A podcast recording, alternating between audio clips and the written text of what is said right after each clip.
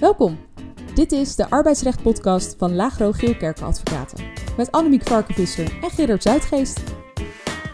In iedere aflevering bespreken zij op luchtige wijze actualiteiten in het arbeidsrecht.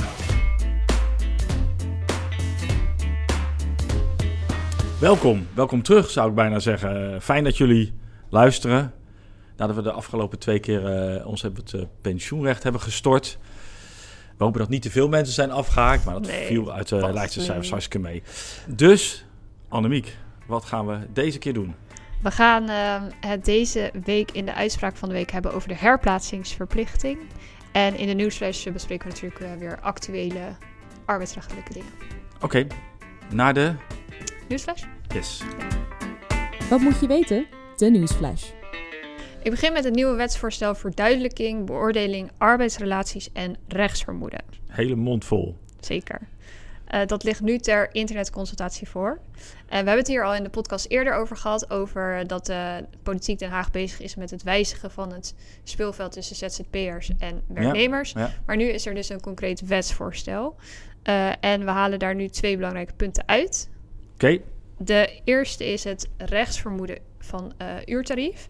In de wet wordt vastgelegd dat een ZZP-tarief van onder de 32,34 euro ex-BTW het rechtsvermoeden oplevert dat sprake is van werknemerschap. 32,34 euro.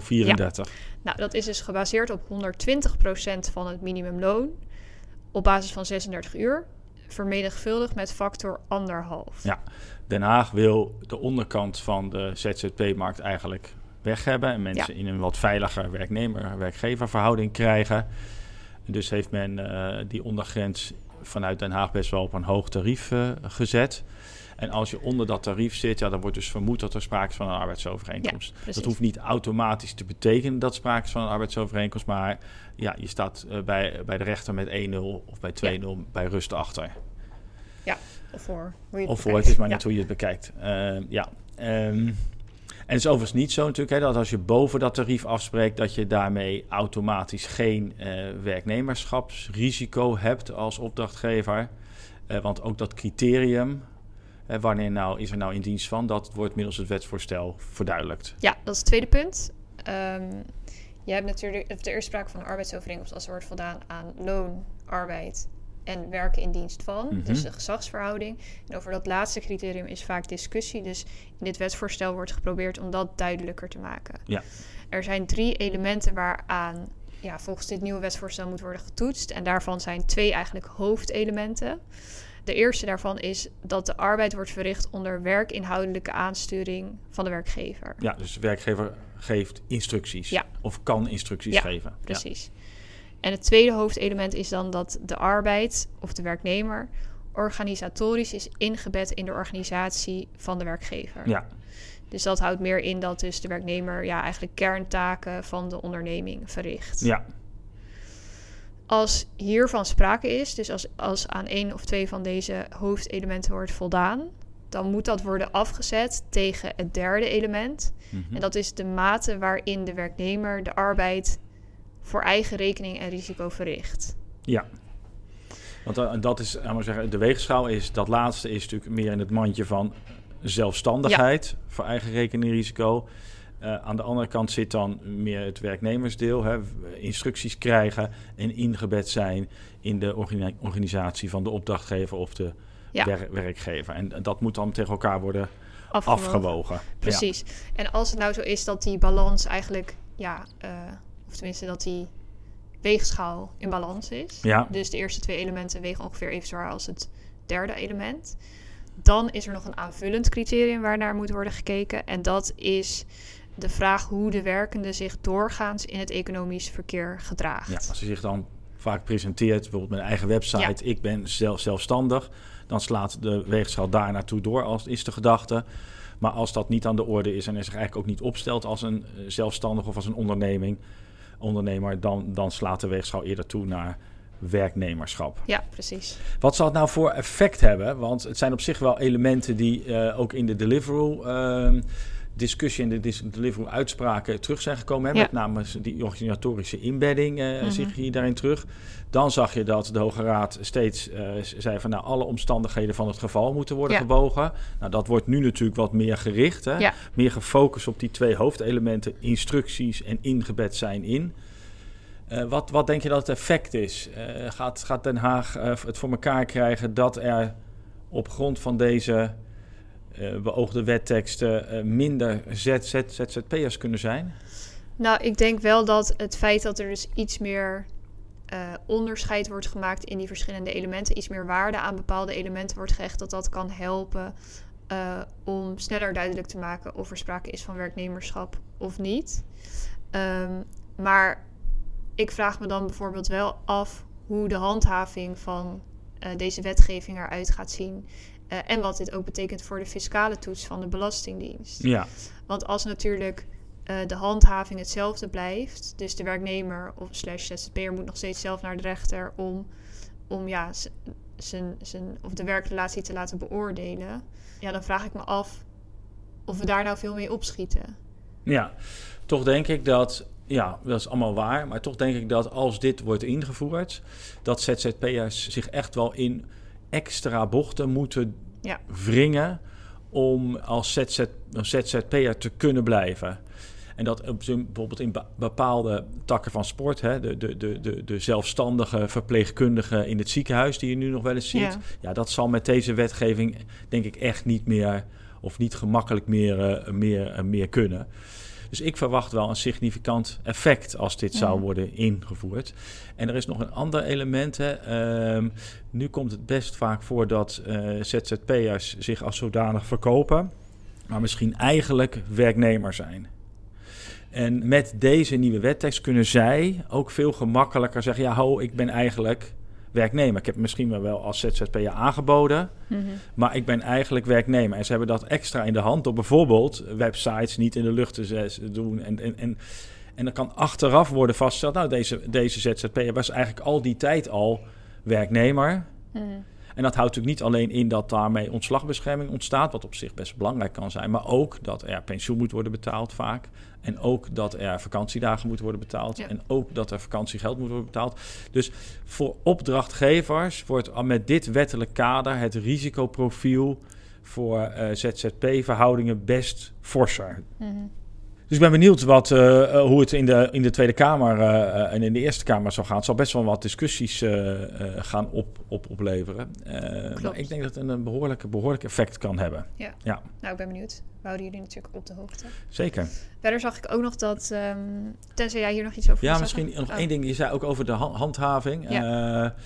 Um, vanaf 1 januari 25 wordt het moratorium wat uh, er nu ligt op de handhaving af, afgeschaft. En de uh, controlerende instantie is ook al aan het opschalen. Uh, overigens hebben ze nu pas geloof ik enkele tientallen werknemers in dienst om ja. voor die controle te gaan en zorgdagen. Maar op het moment dat dat is opgeschaald, ja, dan ontstaat er ook weer een, een serieuzere kans dat werkgevers en opdrachtgevers door de controlerende instanties worden bezocht en op de vingers worden getikt. En dat kan ook tot forse uh, boetes uh, leiden. En, forse fiscale heffingen. En dat maakt dan ook, dat is dan de laatste opmerking, dat het belang van goede contractuele afspraken met de ZZP'er aanzienlijk groter wordt. Mm -hmm. uh, want je kan natuurlijk als opdrachtgever best een aantal risico's in dit verband bij de ZZP'er leggen. Uh, dat zien we nu nog relatief weinig gebeuren. Maar ik denk wel dat het goed is dat alle opdrachtgevers hun eigen ZZP-overeenkomsten nagaan en beoordelen of laten beoordelen. Eh, zijn we voldoende ingedekt voor als onverhoopt later toch een werknemer zou mogen blijken zijn? Dat, dat is denk ik ook nog wel uh, een belangrijk punt. Ja, dus daarmee bedoel je dat eigenlijk de fiscale gevolgen bij de opdrachtnemer worden gelegd? Bijvoorbeeld, ja. ja. Maar niet alleen fiscaal, maar ook pensioen en ook, ook uh, vakantiedagen en ook vak vakantiegeld. Nou, dat, al dat soort dingen. Dat is denk ik uh, met deze wet nog belangrijker geworden. Ja, oké. Ja. Dat was hem voor deze? Dat was hem voor deze. Ja. Er is volgens mij nog een wet nou ja, er, er, komt een wetsvoorstel aan. Die hebben we ook al een keer eerder besproken naar aanleiding van de Kamerbrief van minister van Gennep. En dat gaat over de wijziging van het concurrentiebeding. Mhm. En die gaat binnenkort in internetconsultatie. Maar vooralsnog is daar nog geen concreet wetsvoorstel van. Dus dat moeten we nog even in de gaten houden. Nou, wel een mooi brugje trouwens, want ik had er nog een eh, uitspraak eh, over een concurrentiebeding. Leuk. Overigens zag ik ook nog dat er een, eh, een wetsvoorstel is met een aantal belangrijke wijzigingen rondom ziekte en reïntegratie. Misschien dat we die dan de volgende keer Ja. bespreken. Ja. Maar eerst maar dan het concurrentiebeding. Daar, ging, daar beoordeelde het gerechtshof dat de werkgever de werknemer niet aan het concurrentiebeding kon houden. En daarbij woog de, ehm, het hof mee dat de werkgever de werknemer had aangeboden om tegen een bepaald bedrag eh, de werking van het concurrentiebeding af te kopen. En dat zie je best wel, wel vaker in de praktijk, hè, dat er wordt, over geld wordt gesproken als het Ja. over concurrentiebedingen gaat. En dit is voor, de, voor het eerst dat, dat wij zien eh, dat eh, dat element onderhandelen over geld als het ware ten nadele Mhm. werkt van de werkgever. Want, Mhm. zegt het Hof, kennelijk ging de werkgever het niet om de bescherming, maar om geld. Ja. En daarvoor is het concurrentiebeding niet bedoeld. Ja. En dat maakt, eh, ja, dat is voor de praktijk denk ik toch wel belangrijk. Ja, omdat, nou ja, wat je zei, er wordt natuurlijk vaker over gesproken. En dat kan dus dan uiteindelijk in, ja, in het nadeel van de werkgever Zeker. werken Ja. als je deze uitspraak volgt. En dus het kan slim zijn om dit soort onderhandelingen via advocaten of in een mediation te laten verlopen, zodat dit vertrouwelijk blijft en niet in de procedure kan worden ingebracht. Ja, Of om heel duidelijk in zo'n aanbod te vermelden dat dat puur wordt aangeboden in het kader van een totaalregeling. Ehm, en door, een, door daarbij ook te benadrukken dat de werkgever wel degelijk belang heeft bij het concurrentiebeding, maar nou ja, toch tot een totaalregeling. ja door het een beetje te verhullen. Precies. Ja. En dat was in deze zaak niet voldoende gebeurd. Ja. Dus nou ja, wellicht dat dat in een andere zaak wel eh, zou kunnen helpen. Ja, dat is inderdaad een praktische tip. Overigens heb ik niet het idee dat de rechtspraak over concurrentiebedingen nu al heel veel strakker wordt. Het, natuurlijk geldt nog steeds dat je als werkgever echt wel een stevig belang moet hebben om beroep te kunnen doen op een concurrentiebeding. Maar als je dat hebt, dan is het geen tan- tandeloos verhaal. Nee. Maar als de, eh, de gedachten van de minister van Gennep worden ingevoerd, eh, die ze in, eerder in de Kamerbrief heeft eh, neergezet, dan zou het best wel eens kunnen worden dat voor werkgevers nog veel moeilijker ja, wordt om een Ja. concurrentiebeding gehandhaafd te krijgen. Nou, Ja. daar komen we op op het moment dat er een concrete tekst is. Ehm, Had jij nog een uitspraak? Ja, dat ging over een werknemer die van tevoren tijdens thuiswerken ehm, Oh ja, al moest opstarten. Ja, En we hebben al een, een podcast gemaakt over de vraag: ja, als je nou tien minuten eerder aanwezig op je werk moet zijn, is dat dan betaalde arbeidstijd of niet? antwoord was toen ja. Was toen ja, maar nu is het antwoord nee. Oké, dat eh, vraagt wat, uit, wat uitleg. Maar hier ging het om een werknemer die dus thuis werkte. Die moest op tijd ingelogd zijn, omdat ze telefonisch contact moest hebben. En vanaf het moment dat ze was ingelogd, kon, was hij dus telefonisch En bereikbaar. vanaf dat moment ging ook pas de loonbetaling lopen. Precies, Ja. ja.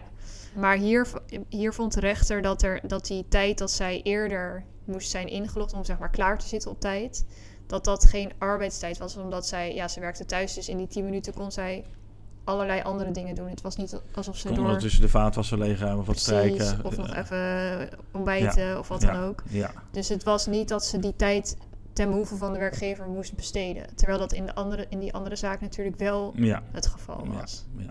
Dus het hangt heel sterk van de omstandigheden van het geval eh, Ja, af. Dat is eigenlijk de, de boodschap. Oké, ik heb dan nog een laatste. Ja. Dat ging over best wel een bijzondere uitspraak, vond ik. Werkgever koopt een bedrijf, althans de aandelen van een bedrijf, en sluit vervolgens eh, de productiefaciliteit die onderdeel uitmaakt van die gekochte onderneming. Vervolgens eh, eh, ontslaat de werkgever of wil die werkgever de daarbij betrokken werknemers ontslaan. Maar hij krijgt zowel bij het UWV als bij de kantonrechter het lid op de neus. Want, wat zegt de rechter? Die kan zich, zo schrijft hij het ook letterlijk, niet aan de indruk onttrekken dat de werkgever vooral was geïnteresseerd in de klanten van het bedrijf wat was overgenomen. En dat eh, de werkgever geen eerlijke kans heeft gekregen om zich tot producent, die productiefaciliteit, om die tot producent verder voor de groep te ontwikkelen. Maar dat dat al heel snel, te snel naar het orde van de rechter is besloten om die productie eh, buiten de groep te leggen en eh, daarmee tot beëindiging van de dienstverbanden over te gaan. Dat was onvoldoende, was aangetoond dat deze wijze van sluiten van productie en het inkopen van producten elders, dat dat bijdroeg aan een doelmatige bedrijfsvoering. En de, daardoor is volgens de rechter te snel en in strijd met het goed werkgeverschap uh, zijn mensen voor ontslag uh, in aanmerking gekomen, la, laten komen. Vond ik best ver gaan. Ja, eens, omdat wel vaststaat, en dat zegt de kantonrechter ook, dat die bedrijfsactiviteiten waren gestopt. Ja. Dus er waren filmpjes ingebracht van een lege productiehal, dus er werd niks meer geproduceerd. En dan vraag ik me toch af, ja, de ontbinding slaagt niet. Ja, wat moet je dan als werkgever met die werknemers? Want het werk is er niet meer. Je staat gewoon op de pegel. Ja. Ja, ja en dan, ja.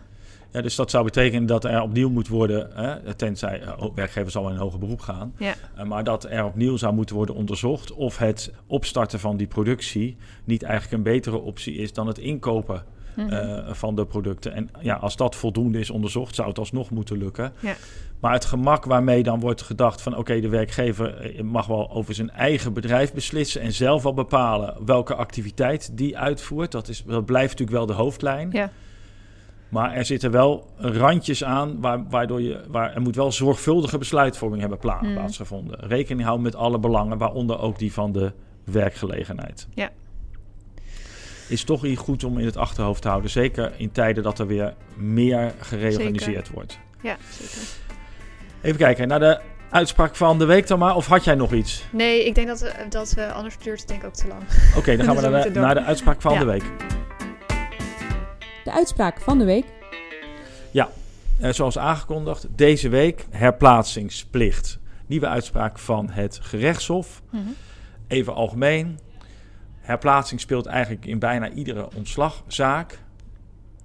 Eh, Herplaatsing moet immers op grond van de wet, behalve als herplaatsing niet in de reden ligt. Nou, dat ligt niet in de reden als er sprake is van ontslag op staande voet.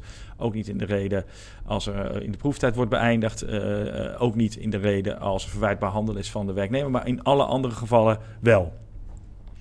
En de beëindiging via UWV of rechter is ook pas mogelijk als, de werk, als kan worden aangetoond dat de werknemer niet binnen een redelijke termijn, al dan niet met behulp van scholing, kan worden herplaatst. En misschien om even het belang daarvan te onderstrepen, een recente uitspraak, niet deze die we hier gaan bespreken, maar die we al eerder in de podcast hebben behandeld. Recente uitspraak was eh, dat een fout in het herplaatsingstraject of een tekortschieten in het herplaatsingstraject niet in een beëindigingsprocedure kan worden gerepareerd. Dus als een kantonrechter heeft vastgesteld werkgever, u bent tekortgeschoten, dan kan de werkgever dat niet tussen, het, eh, tussen de uitspraak van de kantonrechter en een hoger beroep Mhm. repareren. Hij kan natuurlijk wel aan de, aan de hoge beroeprechter vragen of hij het ermee eens is dat die herplaatsingsspanning onvoldoende is ingevuld. Maar het kan niet worden gerepareerd. Nee, dus, Dus- alles wat je daarna doet, dat heeft eigenlijk geen effect. Heeft, daarna heeft geen effect. Nee. Eh, dus daarom, daarom is het belangrijk dat je als werkgever goed inschat, nou, wat, wat moet ik nou doen in het kader van die herplaatsingsperiode? nou, één, eh, de herplaatsingstermijn is misschien goed te zeggen, is 1 tot 4 maanden, namelijk gelijk aan de opzegperiode. en dus dat betekent dat in het kader van een UWV-procedure of in het kader van een ontbindingsprocedure, dat van tevoren moet worden ingeschat. Nou, wanneer is de beëindigingsdatum? Mhm. inclusief die opzegtermijn. En dan moet al vooruit worden gekeken, zal in die periode iets, eh, een functie ontstaan waar, ook op, waar ik deze werknemer op moet herplaatsen. Ja. Als dat nee is, nou, dan kan het tot beëindiging leiden. Als het ja is, dan moet er eigenlijk worden herplaatst. Dat voor het algemene deel? Dat voor het algemene deel. Oké, nou, de uitspraak eh, die we vandaag bespreken, dat eh, ging over een eh, werknemer met wie die met zijn werkgever een verstoorde relatie had. Met Ja. zijn manager in ieder geval. De werknemer had een ontwikkeltraject doorlopen om zijn telefonische communicatie te verbeteren. Eh, maar werk- werkgever vindt dat dat niet tot het beoogde resultaat heeft geleid. Nou, dan vinden er woordenwisselingen plaats. Op een gegeven moment kan de werknemer niet meer, eh, eh, ja, hoe zeg je dat, mondeling met zijn, met Ja, er wordt alleen nog maar via, via de mail. Ja, eh, precies. Ze kunnen niet in het echt met elkaar eh, ja. spreken. Dus conclusie, verstoorde arbeidsverhouding. eh, dat ziet het Hof op zich ook. Zeker op basis van wat er tijdens de zitting allemaal wordt gezegd. Dus die verstoorde verhouding staat vast. Precies. Maar de werknemer voert ook aan dat de herplaatsingsmogelijkheden onvoldoende zijn onderzocht. Ja, En dat is ook waar de werkgever hier dus onderuit gaat. De werkgever heeft namelijk meerdere vestigingen. ja vele Heel, vestigingen. ja, echt in Nederland heel veel vestigingen. Ja. Ehm, maar in het kader van de herplaatsing heeft de werkgever alleen met twee locaties die in, ja, in de buurt waren, telefonisch contact gezocht om te kijken of daar vacatures waren en daar bleken geen vacatures te zijn. Ja. Dus dat waren de herplaatsingsinspanningen van de werkgever. Dat vond het Hof onvoldoende. Daarbij had de werkgever ook aangegeven dat zij eigenlijk geen toekomst meer voor de werknemer zag bij een andere vestiging. Um, en daarvan maakt, ja, daar maakt het Hof eigenlijk korte metten mee, omdat de werknemer wel wat vooruitgang had laten zien in dat ontwikkeltraject. En dat hij bij die andere vestiging ook geen contact hoeft te hebben met de manager waar hij nu mee overhoop ligt. Ja, dus er was sprake van een verstoorde relatie met die manager. Maar in het ontwikkeltraject had de werkgever voldoende stappen gezet. Hè? Want als werknemer natuurlijk onvoldoende zou functioneren, dan is herplaatsing in een vergelijkbare functie ligt dan natuurlijk niet in de reden. Had dan ook niet hoeven te worden onderzocht. Alleen of er dan andere passende functies zijn. Maar omdat er maar naar twee vestigingen is gebeld, is dat onvoldoende. Ja. En dan gaat het op, op, op, op onderuit. En dan wordt er een, zij het beperkte billijke vergoeding toegekend. Ja, klopt. Maar het kan dus inderdaad ertoe leiden dat ofwel de, de, het ontbindingsverzoek gewoon wordt afgewezen. Uh, ofwel dat er een billijke vergoeding wordt toegekend. En dat kan best om flinke bedragen gaan. Want er zijn ook uitspraken van eerder uh, dit jaar of van vorig jaar waaruit volgt dat uh, bij schending van de herplaatsingsverplichting een billijke vergoeding van 110.000 euro of 150.000 euro. Ja, het zal sterk afhangen van het salaris van, de, van de betrokken. Ja. ja. het kan om flinke bedragen gaan. Um, maar wat, wat, wat, wat moet een werkgever daar dan dus nu mee? Ja, het is dus eigenlijk is onze boodschap: het is belangrijk om niet te snel over die herplaatsingsverplichting heen te stappen. Er moet serieus worden onderzocht of er passende alternatieven voor de werknemer zijn. In die termijn die jij net ook noemde. Mm daarover moeten gesprekken worden gevoerd. Ja, tenminste één gesprek, hè? Tenminste één gesprek. ja. ja, nou ja, dat moet dan ook worden vastgelegd. Uh, het is belangrijk dat je niet alleen de vacatures naar de werknemer stuurt, maar dat ook ja, actief bespreekt met de werknemer of dat iets is wat bij zijn wensen past, uh, of dat passend zou kunnen zijn.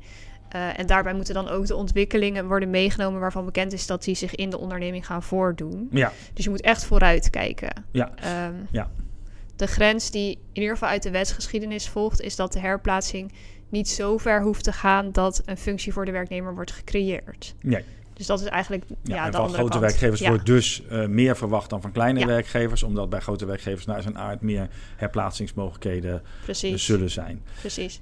Ja, en uiteindelijk blijft het natuurlijk wel een redelijkheidstoets. Dus wat kon van de werkgever in redelijkheid worden verwacht aan herplaatsingsinspanningen? Ja. Als bijvoorbeeld heel duidelijk is dat het slecht gaat met de onderneming, financieel gezien, en er is bijvoorbeeld een algemene vacaturestop, ja, dan hoeft de werkgever natuurlijk redelijkerwijs niet veel aan herplaatsingsinspanningen te doen. Ja. Uh, of wat jij aan het begin zei, als de werknemer verwijtbaar heeft gehandeld, dan ligt de herplaatsing ook niet in de reden. Nee.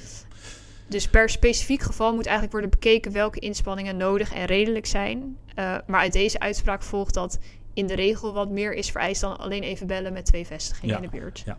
ja, en als je natuurlijk kunt vastleggen, werknemer wil als die zijn functie kwijtraakt, niet op een andere functie worden geplaatst bij de werkgever. En daarmee ja. uh, de, de herplaatsingsverplichtingen verplichtingen zijn vol, vol, vervuld, dan kan dat natuurlijk ook. Ja. Um, maar werknemers zullen normaal gesproken daar niet zo gemakkelijk uh, nee. langs die nee. meewerken. Nee. Oké, dus uh, werkgever, uh, let op uw zaak. Daar komt het eigenlijk ja, op eigenlijk wel, ja. En het is natuurlijk lastig om iedere keer hetzelfde. Ja, het is lastig om heel concreet te zeggen wat je steeds moet doen. Dat kun, dat nee, kun je ik denk dat je het wel heel goed kunt zeggen. Je kan in zijn algemeenheid moet je dus bespreken met de werknemer welke mogelijkheden er zijn. Dan moet je goed vastleggen. En je moet werknemer meer doen, moet meer doen dan alleen maar de vacatures toesturen. Je moet echt met die werknemer in gesprek. Ja, waar, waar, waar ligt wat jou betreft jouw wensen? Ja. En kunnen we kijken of we aan die wensen redelijkerwijs kunnen voldoen? Is het antwoord daarop nee? Nou, dan is aan de herplaatsingsverplichting voldaan. Ja. Oké, dat was hem dan denk ik. Dat was die zeker. Nou, uh, dank voor het luisteren en tot, tot, de, volgende keer.